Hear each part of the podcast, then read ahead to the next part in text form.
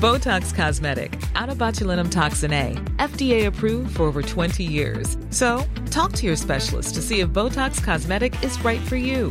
For full prescribing information, including boxed warning, visit BotoxCosmetic.com or call 877-351-0300. Remember to ask for Botox Cosmetic by name. To see for yourself and learn more, visit BotoxCosmetic.com. That's BotoxCosmetic.com.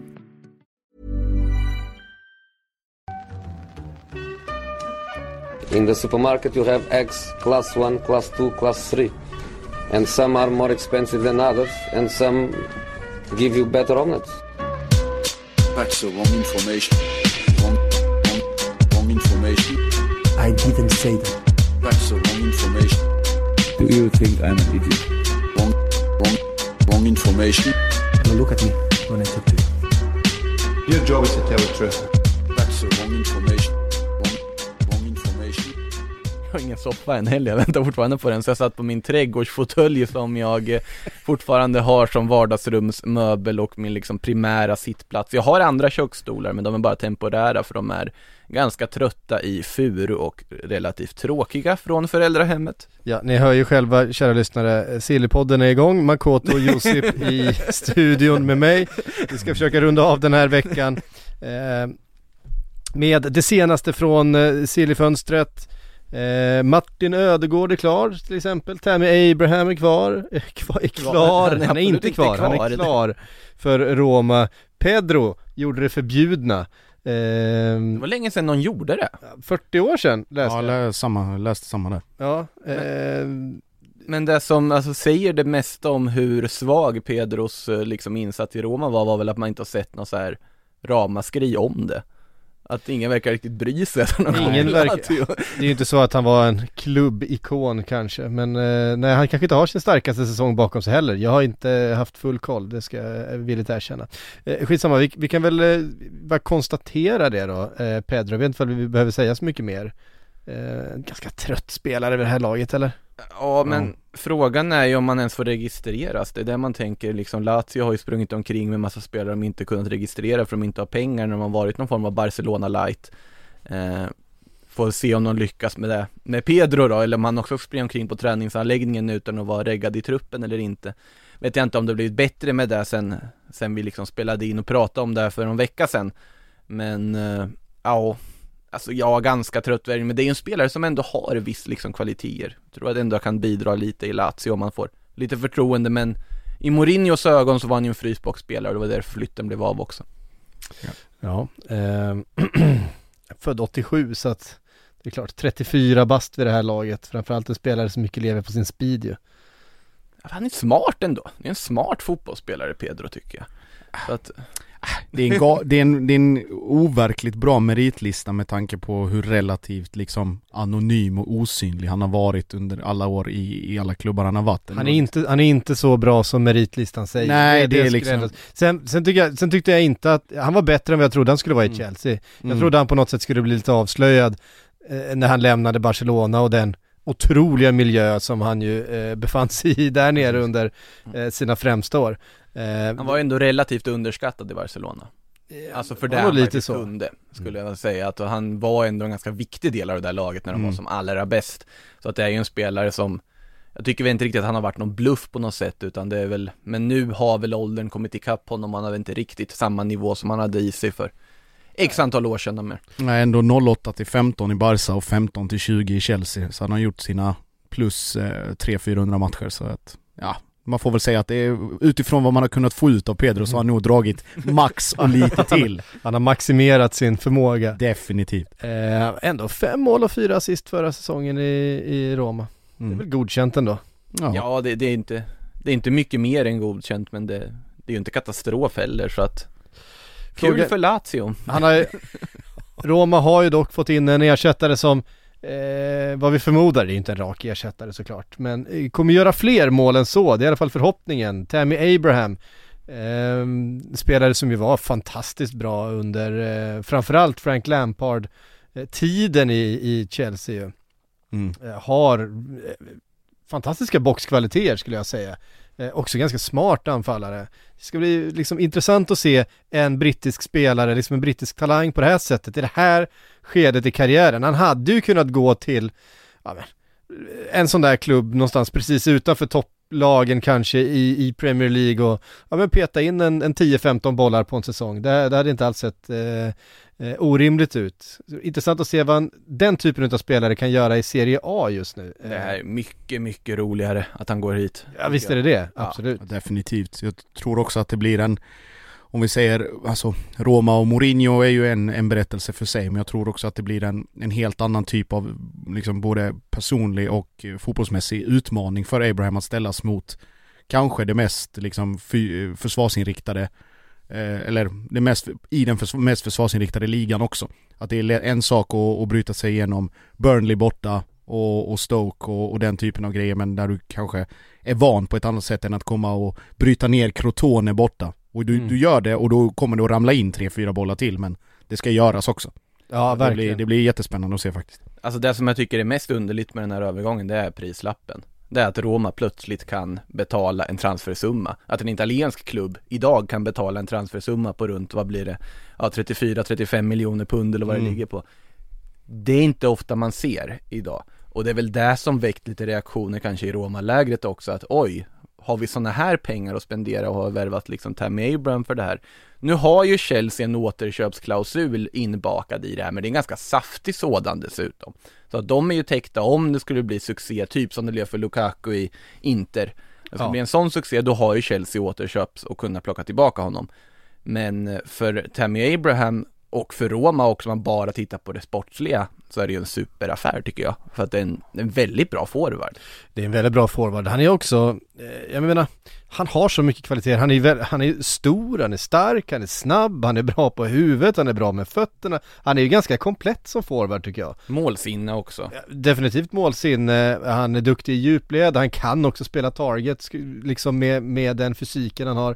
Eh, Det är så lite, alltså, vi vet ju också att Mourinho gillar att ha en stor, stark, snabb kille längst fram. Eh, åtminstone stor och stark. Han vill ha en murbräcka där längst fram och ja, det är väl kanske inte riktigt rollen han har haft i, i Chelsea men jag ser honom verkligen, men 1,90 lång, han väger nästan 90 kilo liksom. Det är en, det är en stor kille Tammy Abraham och nu liksom 23 år gammal, han var ju, han liksom var ju ganska tunn när han kom fram. Det var ju eh, det var inte jättemånga påsar proteinpulver. Ehm, ehm, när han slog igenom som tonåring men, men nu är det ju en, eh, en ganska stadig bit så att ehm, eh, under Mourinho också som jag tror har en bra plan här och har, vet vad han gör med, eh, med den här spelaren. Det ska bli riktigt spännande att, Ja, att se. Definitivt. Frågan är om man petar usbeken Eidor Shomurodov som de hade på topp ensam mot Trabzonspor här i Succéman. Ja, verkligen. Det var ju succé. Gjorde ju mål också och tillägnade målet till sin mormor som fyllde år. Det tyckte jag var väldigt fint. Men eh, det är ju frågan om man petar honom. Men det borde han väl kanske göra. Och- Och Eidor får väl se sig själv som liksom andra valet på topp. Ja. Shomodov och Abraham i Roma. Det såg man inte komma. Mäktigt. Ehm, vi eh, har också, den blev bekräftad bara eh, minuter efter att vi stängde ner studion här tidigare i veckan, Tammy Abraham. Eh, lite senare, ett par dagar senare, igår va, kom Ödegård bekräftelsen. Var det inte till och med idag? var det till och med idag? Ja, mycket dag, möjligt. Dagarna flyter ihop, det har ju känts Alltså, klart rätt Den länge. har ju varit klar ett tag. Den var ju nästan klar när han inte fick ett tröjnummer i Real Madrid. Och Ja. här är ju, om man, om man börjar med Real Madrid-aspekten i det hela Så finns det någon sorts allmän känsla av de liksom Madrid-supportrar man har sett och så vidare att Ja men gå då Om du inte vill försöka kämpa om din plats i Real Madrid så gå då eh, Och att man tycker snarare att det är tråkigt att han inte vill kämpa för sin plats Att ambitionen ligger på den nivån att han Han då väljer att ta det enkla steget och gå till Arsenal Det är väl så man ser det från Madrid-perspektiv I Arsenal-perspektiv så är det väl snarare en värvning som, ja alltså de behövde den här tian och det varit uppenbart att Martin Ödegård var liksom prioritet att få in. Eh, jag tycker att det är en jättebra förstärkning på så sätt, men vi har haft de här farhågorna. Hur är det rent liksom mentalt? Är han den här vinnarskallen de verkligen behöver till truppen? Det är tveksamt, men han har kvaliteterna nog att lyfta Arsenal ett snäpp, absolut, det har han fortfarande och nu har han ju gjort den här startsträckan redan under förra säsongen så att Mm. man, nu får man ju räkna med att han ska gå in och leverera ganska direkt. Ja och det är en, också i sammanhanget, vi pratade om det innan, okej prislapp.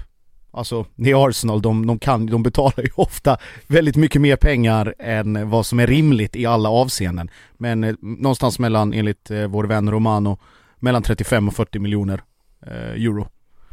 Det är mycket pengar Det är mycket ändå pengar. alltså. Det, det är fortfarande, det, det, det, klingar, det klingar till, man, usch, man höjer För en spelare som var en av de bästa i La Liga för bara två år sedan Så tycker jag, en, och Mm. med den åldern Så tycker jag absolut en rimlig prislapp han var inte en av de bästa i Premier League förra säsongen. Nej. Nej men det var ju startsträckan Det var startsträckan, jag, jag tror ju fortfarande på Martin Ödegård att han kan leverera Sen är ju faran att Arsenal som klubb mår som de mår och att han vaggas in i det här klassiska på något sätt. Jag vet inte om man ska säga liksom hjälplösa, vet jag om man ska kalla det, men liksom uppgivna stämningen som ändå har funnits runt den här klubben ett tag. Och det är väl det som är faran, att han vaggas in i det på samma sätt som säg Dani Ceballos gjorde eller Lucas Torreira gjorde lite så här. Minns när Lucas Torreira kom till Arsenal, då var det ju lite den här kraft och energi och sånt som man liksom saknat i klubben menar, Och nej, men, bara- precis, det, det höll i typ tre matcher. Ja, och sen, och sen vaggas han in i någon sorts liksom Sen blev han arsenalifierad. Ja, Lite så. och det är den rädsla man lite har med Martin Ödegård Mm. också, att han inte är den som bara ställer krav och lyfter laget Nej jag tror att Ödegård hade mått bra av att ha någon som kanske hur ska jag säga, skicklighetsmässigt både lite, alltså i, i nuvarande läge lite bättre men också som är en helt annan personlighetstyp och som är den här pådrivaren.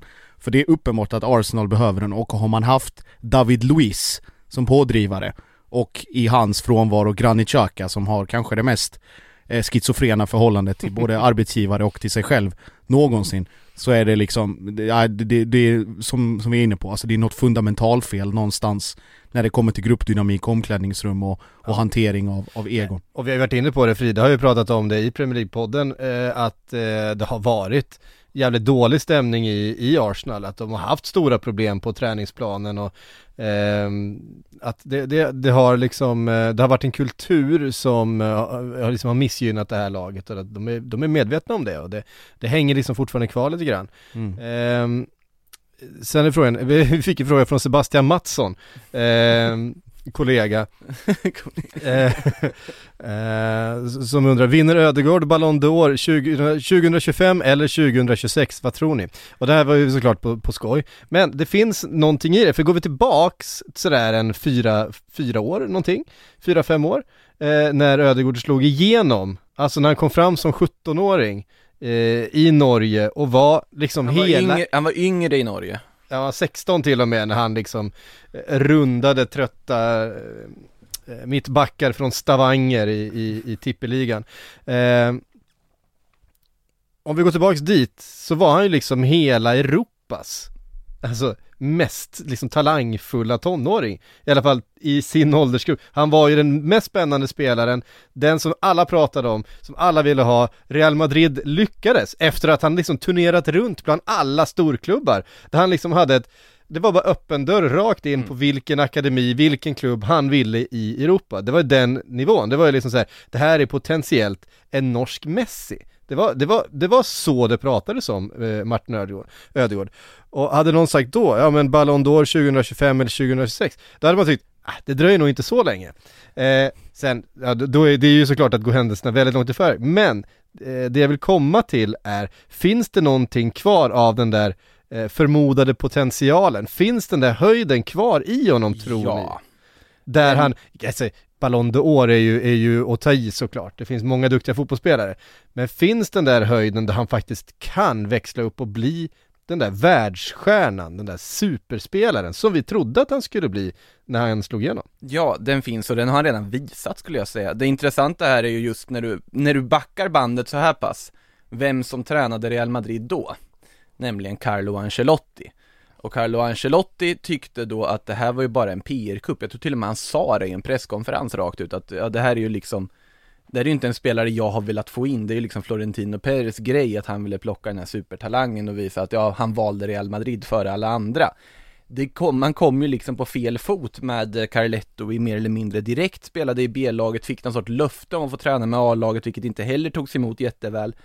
Och sen då så vad hade han ju problem med Castillan till att börja med. Sen kommer de här utlåningsperioderna till Nederländerna och det var ju där han då på något sätt lyfte i, ja, Vitesse, i Heerenveen och så vidare. Och sen då Real Sociedad-flytten och där tyckte jag under den här tiden han var i Real Sociedad, där såg man den enorma höjden. För han var La Ligas, ja, nu var ju såklart Messi fanns ju också med i beräkningen här, men en av ligans absolut bästa spelare under den första hösten i Real Sociedad. Då var ju mycket snack om att han kommer ju gå in och bara ta en plats rakt av i Real Madrid. Det finns inget att snacka om, han ska in och spela. För då pratar man om att Modric, Kroos, Casemiro var åldrade och att de behövde få in någon form av ny energi. Sen vart det ju inte riktigt så, han fick inte de speltiden han ville ha under Zidane och så flyttade han till Arsenal istället för att få den där speltiden. Gick väl inte jättebra, och redan då kände man på något sätt att nej men han är inte den här typen som vill slåss för sin plats, som är redo att slåss för, han vill ha någon form av säkerhet i att han ska få spela. Och det är ett varningstecken för hur högt han kan nå till ambitionsnivån att, ja men nu, nu kommer inte jag få liksom bekräfta att jag får löfte om speltid här ja men då vill jag fortfarande spela för Real Madrid och slåss med den här helt opetbara mittfältstrion som ligger framför mig. Den ambitionen finns inte hos Martin Ödegård. Och det har varit ganska uppenbart ett tag nu tycker jag. Och därför är ju inte den här Arsenal-flytten förvånande. Men däremot tekniska kvaliteter, spelförståelse och alltihopa, det är ju top notch. Mm. Så det är fortfarande en fantastisk fotbollsspelare de får in. Frågan är, är han mentalt tillräckligt bra för att bli en av världens bästa? Där tvivlar jag, för jag tror inte han har den hungern på så sätt. Mm. Mm. Skallen ska man också ha för att uppnå potentialen som finns i fötterna. Men det är sagt ett superproffs, mm. absolut, men ambitionsnivån att skriva på för Arsenal istället för att slåss för sin plats i Real Madrid nu, den kan jag på något sätt ändå fundera över. Nu i och för sig, ja, ambitionsnivån är kanske högre av att gå till Premier League nu för tiden med tanke på att gå för La Liga, men ja, där är jag tveksam, men kvaliteten i fötterna och i liksom fotbollsmässiga kvaliteten är ju extremt hög. Mm. Eh, blir ändå spännande att se, för det är ju också skillnad när eh, en spelare går permanent och när man är på lån. Det är liksom, det blir på riktigt nu på ett annat sätt. Så att, mm. eh, eventuellt kan det också eh, lyfta honom. Men, och det är ingen Ars åter... Arsenal har andra problem. Ja, eh, exakt. Arsenal, Arsenal har andra problem. Så att, eh, ja, du, du fyller de ändå en position som behövde fyllas. Det, det behövs kreativitet i, mm. i, laget och det får de ju in. Mm. Eh, vi tar en snabb eh, Harry Kane-koll när vi ändå är uppe i, i norra London. Eh, han var inte med igår, han som har drömt om att få spela i Europa Conference League. Mm. Får se om det blir något gruppspel. De förlorar ju första matchen där. ja. Ganska, ganska tveksam TikTok-video från den portugisiska klubben som dök upp därefter med med båda klubbarnas maskotar var inblandade i videon, behöver inte säga mer än så. De hade också en riktigt mäktig inför-video, eh, där de sitter och säger Åh, vi har dragit ett lag från London, som drar de alla lag utom Tottenham. Och så får de en bild på Spurs-loggan och så säger de Äh, de här slår vi lätt. Och så blev det ju också. Ja. Så att, eh... Lätt vet jag, men de vann i alla fall. Exakt. Men ja, det ju... alltså det, det, känslan är ju att Tottenham inte är så sugna på den här ligan heller. Nej, för fan. Det, är... finns, finns något sorgligt nästan över att vi sitter här liksom och att det är så lätt att driva med Arsenal och Tottenham just nu, de här två liksom rivalerna, ärkerivalerna, klassiska klubbarna och de båda på något sätt liksom tävlar i att göra sig lättast att driva med just nu. De tävlar i att ha andra problem, slutcitat. Ja. Det, är, det är jättemycket liksom allt allt utom det på planen som är egentligen är i, i fokus i båda klubbarna och det är, och hela den hanteringen, vi har ju varit inne på det hundra gånger, kommer vara det hundra gånger till med Harry Kane och, och hela den härvan att det är inte bra för någon att det ser ut som det är, varken för, eh, för Daniel Levi, för Kane själv, för klubben, för supportrarna, någonting. Jag har ju sagt Ryck plåstret och gå vidare. Ja, jag har sagt lite grann att det, det påminner om Bale-situationen som, där han ja, ju exakt. också ville lämna och det fanns en intressent som var öppen och tydlig med att de ville värva honom. Det är ju väldigt likt den situationen, men det påminner också om en annan situation, det påminner också lite grann om Eriksen som inte fick lämna, som på samma sätt ville bort och som blev eh, som, som liksom, där hela situationen låg som en våt filt över hela laget och det liksom gick ut över prestationen, gick ut över, det var liksom en, en, ganska bidragande orsak till slut på att Mauricio Pochettino faktiskt fick lämna. Det var så dålig stämning och mycket av det kunde ju liksom ledas tillbaks till Eriksen situationen då, där Levi vägrade. Han vägrade gå med på spelarens liksom önskemål att få lämna, han tyckte inte att eh, buden som kom var tillräckligt bra och så vidare. Eh, så att vi har ju faktiskt sett båda sakerna liksom spelas ut på lite olika sätt. Det här är något annat, alltså Bale och Christian Eriksen var fantastiska fotbollsspelare i Tottenham och väldigt viktiga för laget. Men Harry Kane är ju inte bara en Nej. otroligt viktig spelare, han är ju en kulturbärare. Han är liksom ett ansikte utåt för det här laget, han är den stora stjärnan, han är liksom hjärtat, han är det mesta i Tottenham och på då sätt, det sätt som det just nu utspelar sig när liksom supportergruppen också vänder sig mot hur han agerar i alltihopa, det är väldigt tråkigt alltihopa på något sätt bara. Jag minns jag pratade med Simon Bank en gång för, för ganska länge sedan om, om just, om Harry Kane, det var något år sedan eller två. Eh, och Kane hade gjort, han hade väl gjort något, något stort, jag minns inte exakt samma, sammanhanget. Eh, och jag var så här, men nu är väl, Kane är störst. Han, han, är, han måste vara liksom den största ni har haft i Tottenham, den största för dig. Han sa nej. Eh, det är fortfarande Ledley. Så man, vad menar du? Ja men Ledley har ju slutat. Så han kan ju inte såra mig. Kane kan ju fortfarande såra mig. Så att, så att så fram tills att han lägger av ut, utan att ha krossat mitt hjärta så, så, kommer, så kommer Ledley vara störst. Eh, och ehm, eh, han har varit med förr Simon. Det har han. Uppenbarligen. Också ett jävligt spursigt sätt att se på det.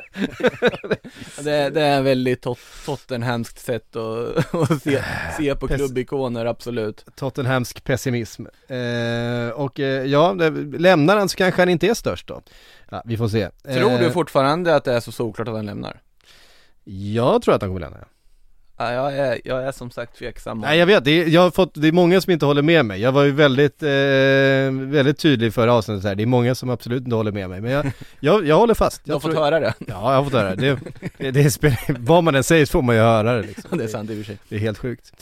Eh, Kane vill dra. Lewandowski vill också dra Josip. Ja, eh, och då är vi nere i mina trakter nere i Tyskland. Eh, Då ja. vill vi säga eh, Makoto, eh, nu har ju Ja. Benzema förlängt.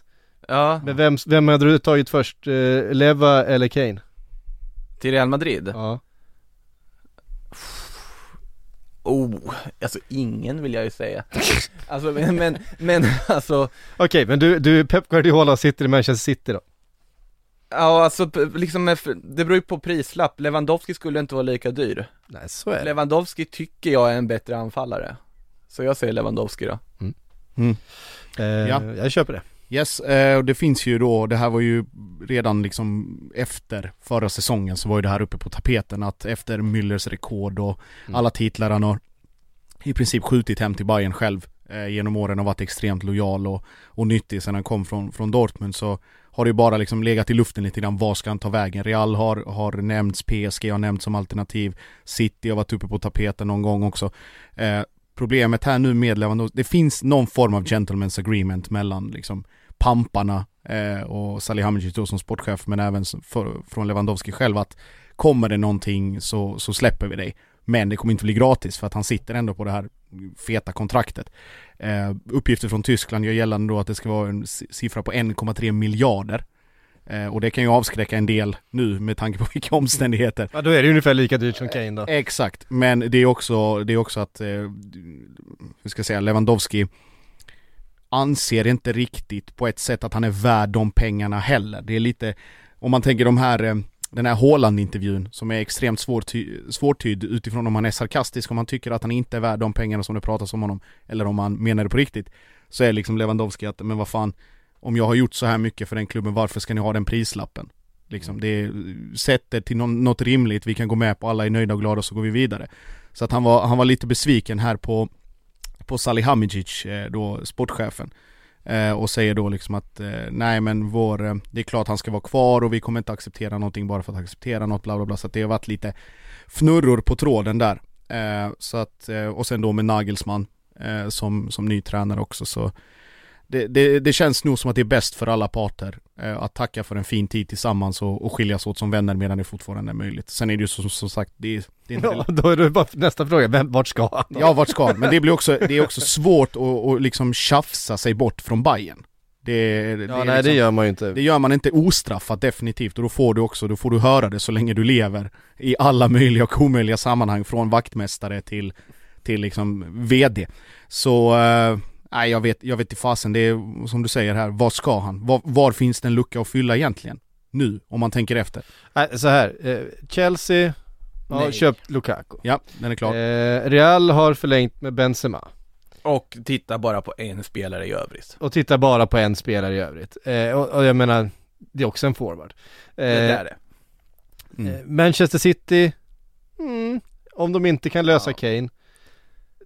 Sen i övrigt så finns det ju inga. PSG kan ju inte plocka in en, en Lewandowski också. Det, det går ju bara inte. Eh, Alltså det finns fan ingen, det finns ju ingen, alltså det finns ju ingen rimlighet i det de har gjort han går ju inte att- på fri transfer. Nej, nej precis. Så, Så att att, det, det, det kommer ju helt krossa hela deras, eh, ja, FFP inom citationstecken, eh, regler där som de jobbar Ja. ut efter. som, de, Eh. som de inom situationstecken jobbar ut efter. United, men i, nej inte Lewandowski i det här läget. De har ju förlängt med Cavani. ja men det är bara en säsong till och han är ju hemma och jag vet inte riktigt vad han gör hemma men han har ju någon anledning, Mm. han har åkt hem i alla fall som är privat. Eh, men där pratas det ändå om att de vill ha in en nia, men det är väl till nästa sommar. Och då skulle det vara om Lewandowski sitter kvar i Bayern ett år till och sen Mm. går fritt. Precis. Absolut. Sen är det ju, Han är 32 nu. Tottenham lär ju behöva en ersättare till Kane om Kane går till City, men vad... det känns också svårkompatibelt just Lewandowski Tottenham. Det är också intressant därför jag läser parallellt. Tyska Bild påstår då att Lewandowski med den eh, numera snart 80-åriga agen- legendariska agenten Pini Zahavi eh, inte är helt främmande för att faktiskt förlänga ytterligare med Bayern. Okej. Och liksom att om det inte kommer någonting och alla är överens, jag kan stanna. Men då har då Salihamidzic varit ute och sagt att ja, Erling Haaland 60 må- matcher, 60 mål, jag menar. Det är klart vi har blickarna på det. Och då det här liksom att förhålla, han, han är väldigt seriös Lewandowski som, som idrottsman. Och, och liksom hård träning och ställer höga krav samtidigt som du har det då i truppen att Boateng har försvunnit, Alaba har försvunnit, Neuer skadade sig häromdagen och blir borta i sex veckor. Så att det är många ledande figurer som är liksom, som kom ungefär samtidigt som har varit ihop länge som där de, eh, vad ska jag säga, fundamenten börjar ruckas lite grann också så det, det är en lite komplicerad sits för, för vår polske vän här men jag vet inte. Det är, det är väl lite upp till, upp till Bayern själva hur de vill, hur de vill agera. Ja, det, är väl, det är väl framförallt bristen på alternativ som eh, fäller den här. Jag är ju fortfarande övertygad om att City har ett mål här eh, från och in och det är att lösa Kane. Eh, Men de måste, Men det hade ju varit helt- sitter ju säkert med en backup. De är ju tillräckligt välskötta för att ändå ha en backup-plan ifall det skulle sjukt om backupen är Lewandowski. Ja, ja men alltså faktiskt, och det är väl lite där som det känns som att Lewandowski kan vara en backup-plan för ganska många. Det är lite Christian Eriksen-läge.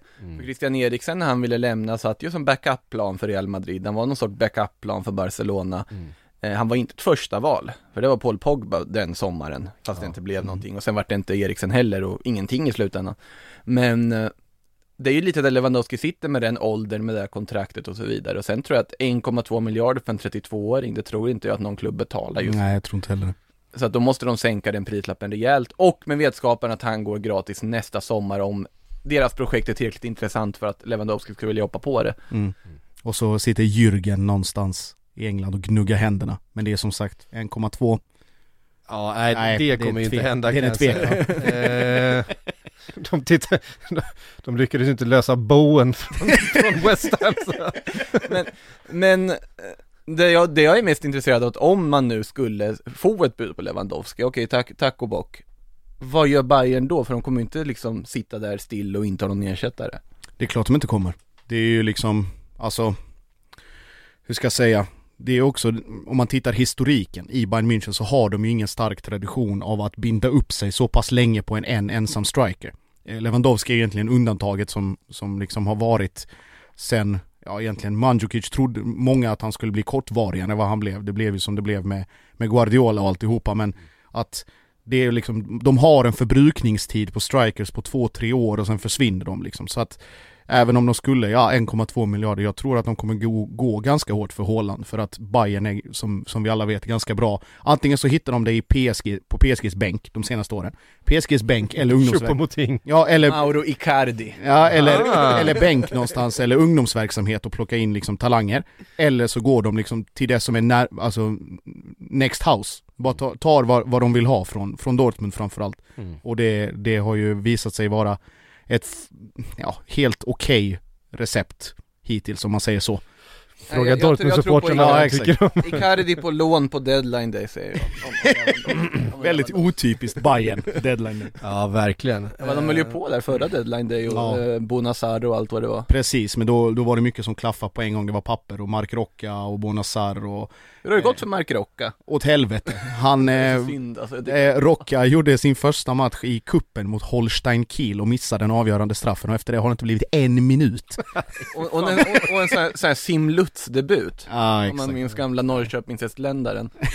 Nej det är, det är ingen Nej, som han, han minns brände en gamla- straff mot Djurgården i kuppen och sen spelade han inte så mycket Nej, mer. sen var det klart där.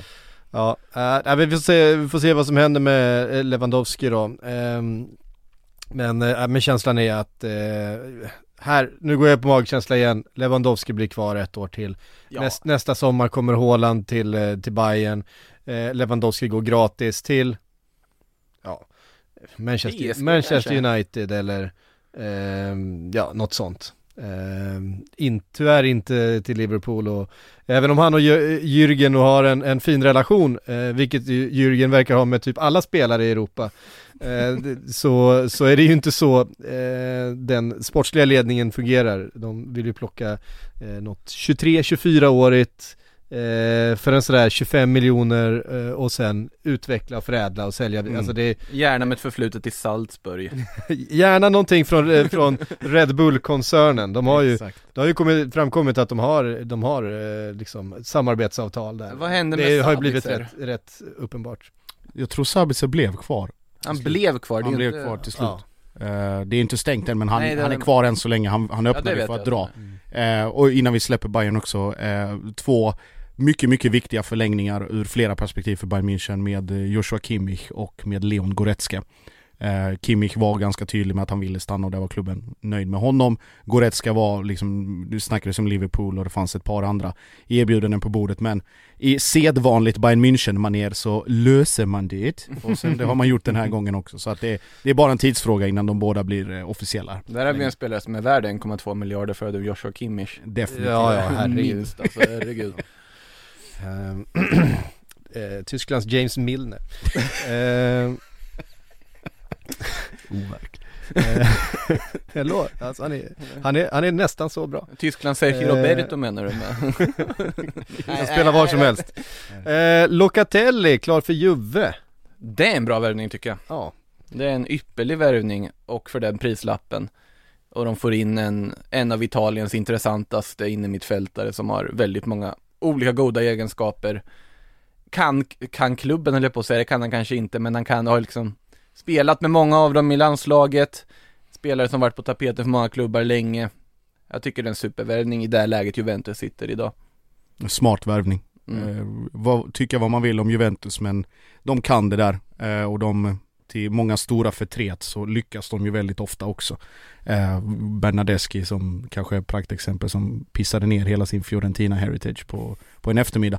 Eh, Chiesa som man har nu och Locatelli och allihopa så att nej men de, de bygger och, och de bygger klokt. Eh, Ja, alltså, definitivt. jag, jag har ju klagat på Juventus i den här podden ganska många gånger förut om vad de egentligen sysslar med.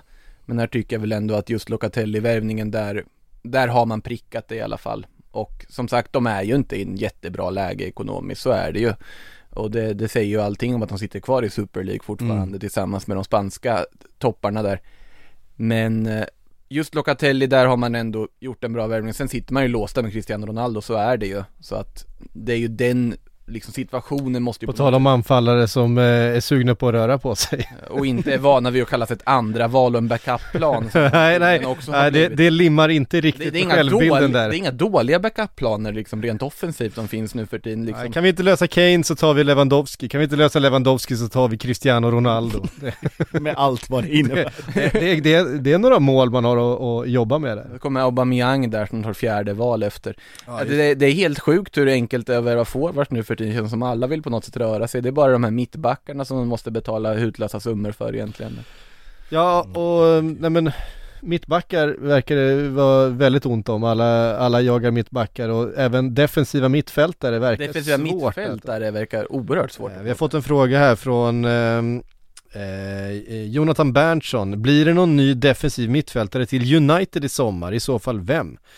Eh, Den, den frågan de har ställt förut. Ja, och det är en fråga vi har ställt oss eh, överlag. Alltså, känslan är ju att, att United har ett riktigt, riktigt fint lag på gång, men den defensiva mittfältspositionen, där är det liksom McTominay, Fred, Ehm, och eh, Matic som ska liksom dela på den rollen. Jag tycker att McTominay är lite underskattad faktiskt, det är en duktig fotbollsspelare. Men han är mer en tvåvägs, det är där han är som bäst. Ja, alltså eh, han är ändå inte riktigt den defensiva mittfältaren som eh, som kompletterar det här laget på bästa sätt. Alltså det, det är ändå där deras svagaste position nu, kanske tillsammans med högerbacken skulle jag säga. Eh, men med mittbacksparet, ja vi vet hur ont det gör om mittbackar att stå där med ändå med Maguire och Varann.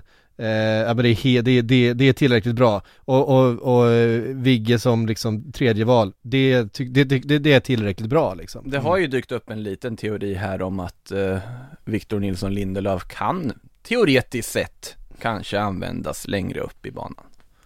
Det har jag svårt att se alltså.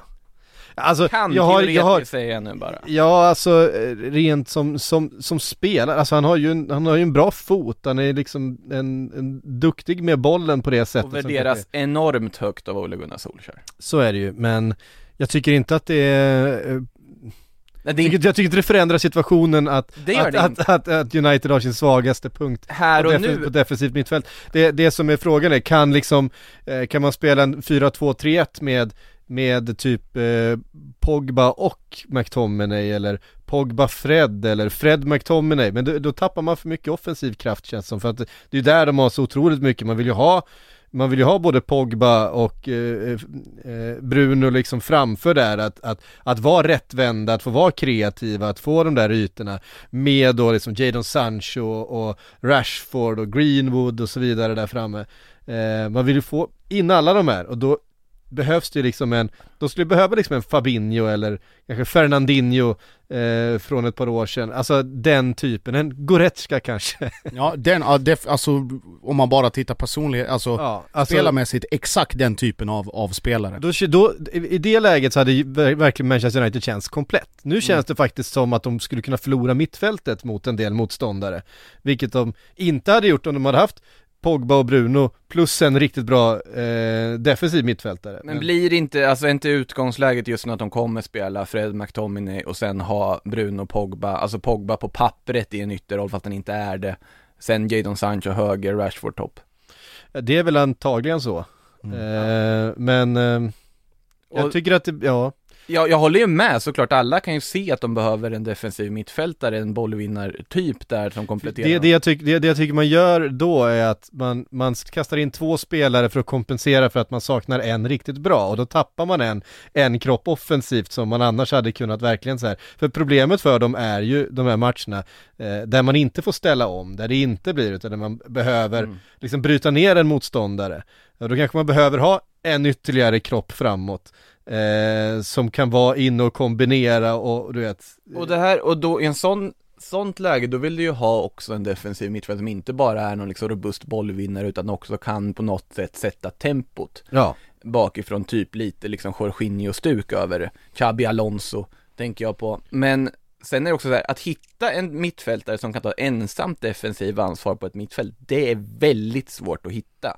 Alltså, det var knappt att Xabi Alonso kunde ta ensamt Nej. ansvar. nej precis. Eh, utan han jag tänker ju honom. faktiskt mer en, en, eh, en, en som kan lösa den, den ytan framför backlinjen, att se till att den är, att den är städad.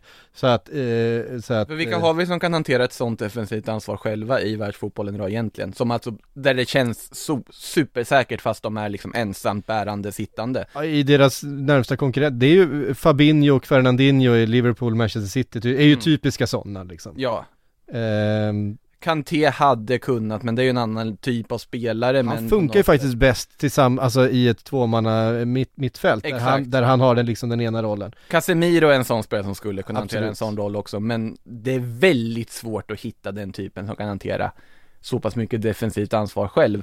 Mm. Sen håller jag med om att absolut alla kan se att det är någonting de behöver. Jag tror dock inte de kommer lösa det innan det här fönstret stänger. Jag tror det kommer bli en sån situation där man sitter och frågar, ska United göra någonting, ska United göra någonting, ska United göra någonting och så gör de ingenting. Samtidigt har de fortfarande gjort ett superfönster som det är.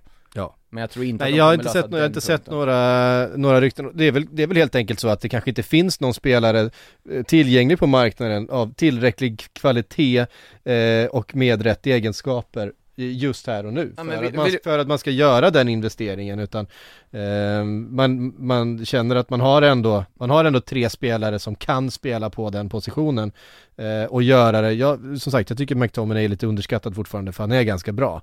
Eh, och han har, han har verkligen kvaliteter. Eh, samtidigt jämfört med många av de andra spelarna så är det klart att det finns ytterligare spets på andra positioner i laget. Ndidi är ett namn som dyker upp ganska ofta. Ndidi är Bissoma är ett Ja. namn som har dykt upp ganska ofta.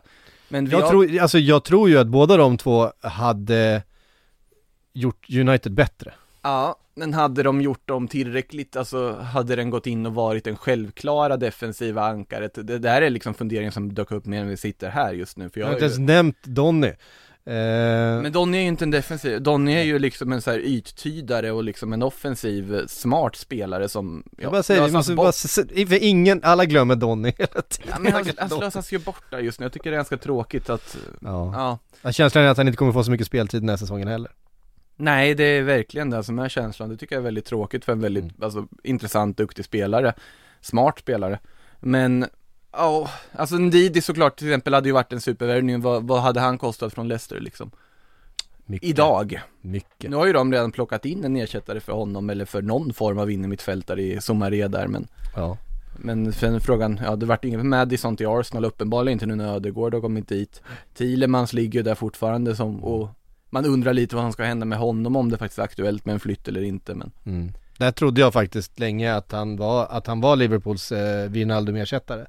Eh, Thielemans, men det verkar inte vara så. Eh, kanske något nästa sommar annars Vi har fått en fråga från Erik A. Han skriver eh, till Makoto, vad har hänt med Kubo? Har inte hört eh, Han är ju om tillbaka honom i Mallis ju. Han har ju gått i, på lån till Mallorca nu igen När han ska försöka hitta sig själv igen Det Mm. var ju där han var som bäst, i- på, i det där lånet i Mallorca när de åkte ur Och sen så vart det ju, prickade ju helt fel när han valde Villarreal efter och eh, blev frysboxad av Unai Emery efter i princip när han klev in på träningsanläggningen Vilket du förutspådde att han skulle bli, för du sa ju att det var helt fel. Sa jag det? Ja, det vill jag minnas, att det var inte alls ett spelsystem som skulle passa honom. Jag tror, jag, jag tror att jag satt och var efterklok där och sa det väl när Kanske det hade, kanske det när hade blivit av. så, så pass ärlig ska jag ändå vara. Eh, för det kändes ju roligt när han skulle gå dit. Sen så visade det sig att, ja men Unai Emery gillar inte att spela sina lånespelare så att det funkar ju inte ändå. Och han gick väl ut och sa det att, eh, kommer inte spela någon spelare bara för att spela honom, typ så. Riktning Kubo.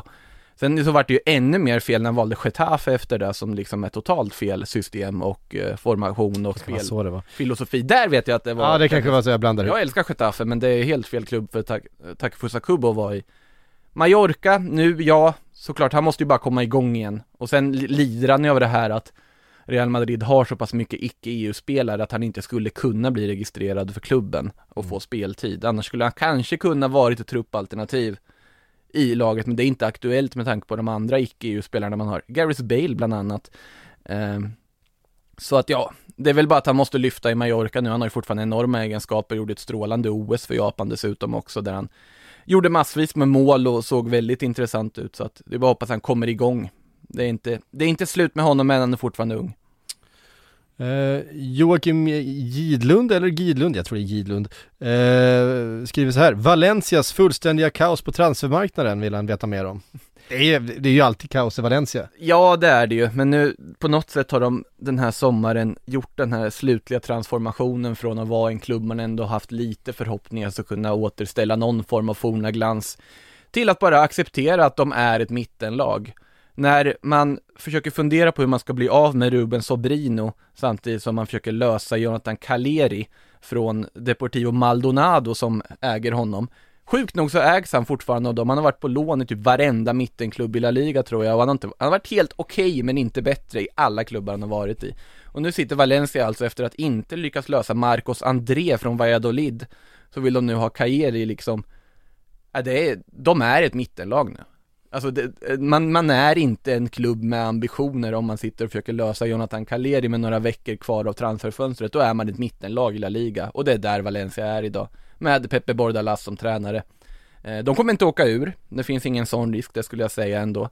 Men de kommer ju heller inte på något sätt överglänsa och överprestera tror jag för att ja, åtminstone värva de någonting, det gjorde de ju inte förra förra fönstret så att eh, man får väl se det positiva kanske då men eh, nej det är, det är lite sorgligt att se att det är den typen av spelare som Valencia tittar på just nu, att det inte är högre hyllor de jagar i.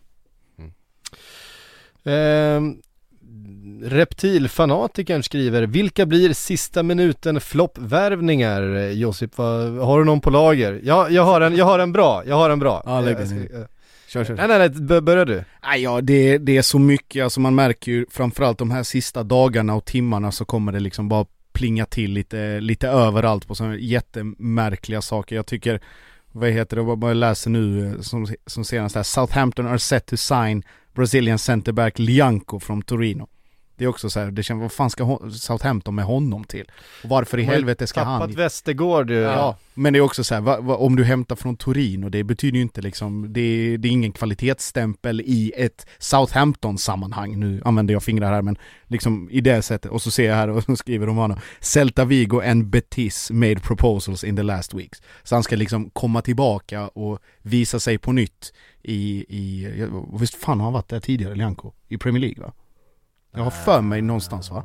Eller är jag bara ute och cyklar nu? Ja, det kan jag inte svara på. Ja, i alla fall, men också... Låt, det ringer inga klockor. Nej men att det blir liksom en så här, okej, eh, vi tappar Västergård, vi tappar kanske en av de stabilaste försvararna vi har i det virvaret Men som är ersättaren liksom. finns ju redan där. Ja. Alltså i Salisu. Det är en Ja. spelare jag tror jättemycket på. Nej, jag, jag, jag har, jag kan liksom inte peka ut ett enskilt och säga det här kommer bli super, super liksom desp. Jag tror att det här kommer bara ticka in efterhand as we go. Tror deadline kommer bli riktigt stökig. Alltså riktigt, riktigt Ja, stökig. ja, ja, ja, man har ju stora förhoppningar på det här, eh, den här deadline day eh, som vi såklart eh, ska försöka rodda ihop här mitt Ja, det i ska vi göra. Ehm, eh, ja, jag har en, och det, jag har ingen köpare här. Jag bara, den som en väljer i desperation att kliva in och ta Julian Draxler ifrån eh, han har ju PSG. faktiskt varit ganska bra. Jag vet, och det är just därför som någon kommer kliva in och ta honom. Och Ja, så det är ju reapris också. Det är ett reapris på honom just nu. Så att alltså, Så är det absolut. jag, jag, jag har varit i det skrået som bara har liksom antagit att Julian Draxler har liksom tappat allting som han en gång hade, men det har han ju faktiskt inte. Han är faktiskt, han drar- Om det är någon som just nu är surplus to requirement så är det ändå Julian Draxler. Alltså, ja, floppvärvningen då. William José har jag en känsla av, de som i desperation plockar honom. Han har också kopplats till Valencia för övrigt lite här. Uh, vart väl inget lyckat lån i Wolverhampton direkt. Där kan jag se en viss liten floppstämpel. Men jag har inte någon klubb som plockar honom heller. Eh, men no- någonting stökigt kommer ju ske. Det kommer ju finnas någon form av sån här en övergång på deadline som man absolut inte kommer se någon så här framtidspotential i så att säga. Ja, för fan. Hertha Berlin kommer hitta något stressigt som fan. Som om det inte är nog med skit redan i klubben. Helvete. Eh, vi har fått en eh, fråga från Robin Karlsson. Är FSG de snålaste eller fattigaste ägarna av de större klubbarna i Premier League? Helt värdelösa ägare, måste ni hålla med om. Nej, jag håller inte, alltså inte av den anledningen tycker jag inte att de är värdelösa. De är värdelösa för att de är eh, amerikaner som inte begriper vad det är för sport de har gett sig in i. Eh, och att de eh, försöker roffa åt sig makt över en, över en fotboll som eh, Alltså de är verkligen en så här drivande del i en, eh, i en kommersialisering utav fotbollen som redan har gått för långt. På det sättet tycker jag att de, att de eh, förstör en del för fotbollen. Som ägare till Liverpool så tycker jag de är alldeles utmärkta. För vi ska komma ihåg, titta på Arsenal, titta på Tottenham. Eh, Liverpool befann sig ungefär i, i, i ja kanske inte med Tottenham, men definitivt med Arsenal, i samma ekonomiska, ungefär storleksordning. Eh, och vad man har jobbat med för resurser och hur modellen som de har infört, hur framgångsrik den har varit. Ehm, man sitter med ett lag som är ett av de högst värderade i hela världen. Men man har inte betalat liksom Manchester City, det, det är liksom, eh, det är ju inga oljepengar man sitter på. Eh, utan man har liksom befunnit sig, man har, man har handlat, man har stannat inom sina medel, man har eh, en ganska låg netspend, man har inte äventyrat klubbens ekonomiska eh, framtid, man har inte satt sig i stora skulder, man har dessutom investerat och byggt en helt ny träningsanläggning, man har byggt ut eh, eh, Anfield på ett väldigt smakfullt sätt utan att liksom bygga nytt och, och riva ner. Jag tycker de för Liverpools del har varit utmärkta ägare. Eh, trots att de inte har investerat och köpt spelare för miljarders miljarder hela tiden så har de lyckats bygga ihop ett otroligt bra lag som har vunnit ligan, som har vunnit Champions League, som har vunnit, ja, i stort sett allt och eh, där alla verkar trivas och man har lyckats hålla kvar Jürgen Klopp som är den absolut största värvning de har gjort. Det vill bara minnas när eh, Liverpool-fansen firade att Alberto Aquilani kom in på transferfönster där och skulle liksom revolutionera mittfältet. Det fanns ju en sån tid också. Ja, alltså jag tycker vi ska skänka, alltså jag tycker vi ska minnas ägarna som var innan. Innan vi börjar eh, kalla våra, våra nya ägare för, eh, för för mycket saker. Med det sagt så tycker jag absolut att de ska ut ur fotbollen. Absolut, Det är ändå-. Det är ändå, det är, det är ändå den, den dubbla eh, naturen man, man har som eh, supporter till ett storlag idag. Eh, för så, det, det, det är den inställningen man på något sätt, eh, alltså antingen får man ge upp fotbollen. Eller så måste man tillåta sig själv att, att ha den inre splittringen. Att eh, ägarna och det klubben på liksom styrelsenivå håller på med. Alltså maktövertagandet som de försökte med i eh, Project Restart, eh, European Super League. Alltså de här sakerna är oerhört skadliga för fotbollen. De driver på en utveckling som redan håller på och, och förstöra hela den, liksom den, den klassiska europeiska toppfotbollen. Den, den drar isär allting. Eh, och den håller alla de här ägarna på att, eh, att eh, liksom accelerera med sina ageranden. Eh, men sett ur, som sagt, ur Liverpools perspektiv bara, så tycker jag de har varit fenomenala ägare. Det här känns som ett ypperligt läge att lägga, ge en liten Kylian Mbappé-update på vad medlemsägda Real Madrid nu liksom är på stadiet där. Mm. Där det nu efter de här mötena är klart att Florentino Perez då, ordföranden, måste förhandla direkt med Qatars president och liksom stora toppen i Qatar. Hela landet måste han nu förhandla med för att lyckas få Kylian Mbappé i en direkt förhandling mellan två parter. Där är vi där. Ja det är så jävla, det är en så jävla katastrof den här fotbollsvärlden just nu så att man blir, man blir ledsen alltså. Ja. Men ja, det är där vi är. Mm. Och det, det är så och eh, om man inte ehm, eh, om man tror att det är det man, att det är det bästa för, för fotbollen och för ens klubb att, att ha eh, ägare som PSGs som eh, jag tror jag pratade om det här förra, förra gången också att det här när de köpte Neymar eh, medvetet, alltså bara det att prislappen var så hög att prislappen var så hög var en stor anledning till att de köpte Neymar. För i, i och med det så blåste man upp hela transfermarknaden på en nivå där de visste att det finns bara en handfull klubbar som kommer kunna agera på en transfermarknad som blir så här uppblåst. Det, var en, det var en strategi från deras sida att hänga av en massa andra europeiska storklubbar som de visste inte skulle kunna hänga med i eh, en sån inflated eh, transfermarknad. Det, det, var ett, det var liksom ett sätt att, att förstöra någon, en, en struktur som fanns, att bryta upp någonting som, som var satt eh, och um, skapa en tillvaro där bara ja, de, Manchester City, vissa fall Manchester United och Chelsea egentligen kan agera. Alltså en, en marknad där de har en premium över alla andra för att de är de enda som har de pengarna. Och de medlemsägda föreningar som har försökt att hänga med i det här tempot. De har ju kört sig själva i botten. Barcelona. Mm. Och där är ju faktiskt ett läge nu där de som klubb ekonomiskt skulle må bättre av att sluta vara medlemsägda. De sålde, de, varit- sålde, en- de sålde en spelare för 2,2 eh, eh, miljarder och blev ruinerade på det. Det är, det så bakvänt är det, men det det, precis så. det, det blev konsekvensen. Sen, sen kanske de inte hade blivit om de haft någon form av struktur i ledningen och någon form av eh, vettig eh, Det hade person kunnat vara så, alla hade kunnat bara titta på varandra, alla, alltså övriga toppfotbollen i Europa hade kunnat bara säga Hej! Vi lugnar ner oss nu, vi går inte på den här finten, vi går inte, vi springer inte med, det, det, vi, här kommer vi i klungan i det här liksom maratonloppet, nu är det någon som drar, vi, vi lugnar ner oss, han kan dra iväg själv om han vill, då kommer han köra slut på sig och det kommer liksom inte funka. Istället så började alla bara lamma på allt vad man Osman kunde efter. Dembélé skriker på Barcelona och körde. Ja, och, och med flera ska jag ju ja, säga. ja, såklart. Alltså, Eh, Men, eh, ja det är ju tyvärr så att liksom Jag tycker något av det vackraste, om man tar från spanskt perspektiv, något av det vackraste i den spanska fotbollen är att klubbarna faktiskt är till stor del fortfarande medlemsägda. Många av dem. Men, ja, sen, sen kan man ju diskutera att de lägger så mycket pengar som de gör med lite banklån och så vidare ändå såklart.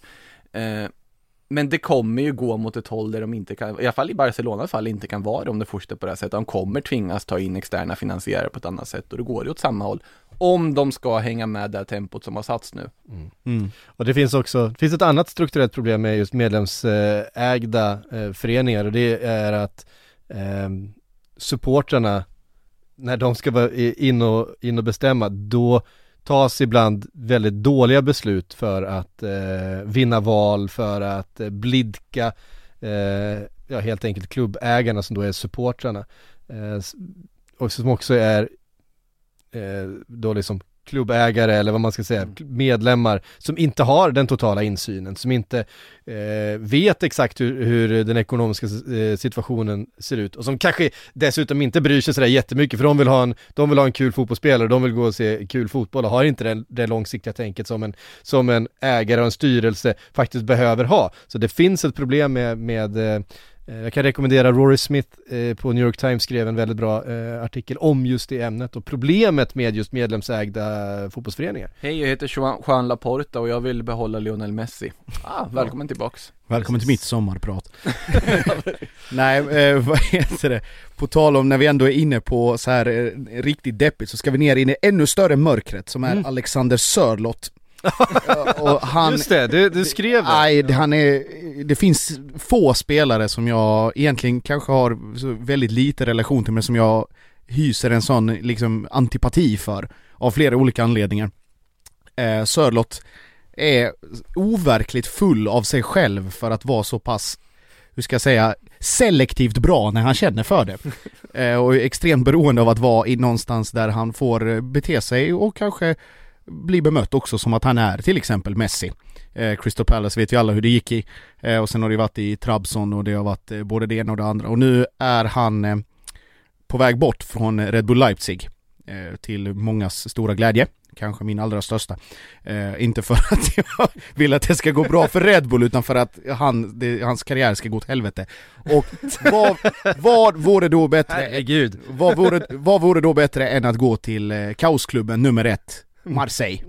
Eh, och det är faktiskt exakt dit han, han ryktas gå. Det pratas lite om Fenner, det pratas om Trabzon. Han såg matchen här eh, när Trabzon kvalade och folk tog screenshots direkt och vi vet alla hur turkiska supporter-twitter ser ut. Eller Älskar Instagram. turkiska supporter-twitter. Ja, eller Instagram för den delen, och då tog det ju fart direkt. Eh, men eh, en, en drömkombo, eller en mardrömskombo beroende på hur man frågar det, Sörlott till, till Marseille och det, där vill man ju se världen brinna eh, på mer än ett sätt. Ska, ska sägas här att eh, då ersätter han ju Dario Benedetto som har gått till Elche Mm. från Marseille. Supervärvning av eh, Elche. Jag ville Mm. bara lägga in det också. Mäktiga, mäktiga eh, transfertaktiken av Marseille. Mäktiga, mäktiga Elche trodde du skulle säga. ja, ja, Nu ska vi- ja, men, nu ska vi lugna ner oss. Benedetto och Boye på topp där, det är jättefint anfallspar. Jag har ju tippat att de ska åka ur med liksom svansen före här, men ja, nu, det ser lite bättre ut. Med det där anfallsparet så kan det nog bli ganska trevligt för dem. Ja men härligt hörni, det, det spårade ur som vanligt eh, när vi ska prata om, eh, om fotbollen här eh, och eh, jag, blir, jag blir mer och mer dystopisk varje gång jag Kul med deadline day! det, ska bli, det ska bli kul, alltså man, man, inom en finns två vargar Nej, ska inte börja eh, eh, Det ska bli kul med deadline day, för det är, det är galet och det är Eh, alltså, någonstans så måste man ju också kunna, kunna njuta utav apokalypsen. Eh, alltså när, när, Ja, ja, det, det, det. när fotbolls-Armageddon väl är här och alla klubbar bara brinner och allting vänds upp och ner så måste vi kunna njuta av det också. det är det vi gör varje, varje deadline day, jag sitter där och Här i, nj- i, njuter av apokalypsen. hyllningen till den moderna fotbollen. Med den moderna fotbollen kunde vi döpa om oss till. Um, Hörde ni, tusen tack för att ni kom hit idag. Tack alla ni som har lyssnat. Eh, som sagt, deadline day, vad är det? En och en halv vecka bort? Något sånt va? 31 är en tisdag tror jag. Det är så pass mycket som en tisdagkväll som man ska boka in i kalendern. Ja, jag ska ut och jogga lite när jag kommer hem tror jag. Jag kommer behöva eh, bli i någon slags bättre form eh, inför det tror jag. Men, eh, tusen tack i alla fall för att alla som har lyssnat. Eh, Sillypodden är tillbaks i, ja, i början på nästa vecka någon gång och sen så är det PL-podd och det är, det är damallsvenska podden kommer igång igen. Ja, ja, det, det körde vi igång här. Det är ju matcher nu i helgen, då är det, å, det återstart nu. Så att eh, alla matcher är gratis på Sportbladet Play ska sägas också för er som inte har skaffat abonnemang där. Så in och eh, testtitta i den Mycket här fint. helgen. Ja, gör det. Ska du kommentera? Nej, men jag ska vara på plats i alla fall och beskåda bland annat Stockholmsderbyt imorgon och sen blir det Hammarby-Eskilstuna i kväll faktiskt. Härliga tider. Hörde ni, eh, tusen tack allihop. Vi görs. Du har lyssnat på en podcast från Aftonbladet. Ansvarig utgivare är Lena K Samuelsson. Botox Cosmetic, out of botulinum toxin A, FDA approved for over 20 years. So, talk to your specialist to see if Botox Cosmetic is right for you. For full prescribing information, including boxed warning, visit BotoxCosmetic.com or call 877-351-0300. Remember to ask for Botox Cosmetic by name. To see for yourself and learn more, visit BotoxCosmetic.com. That's BotoxCosmetic.com.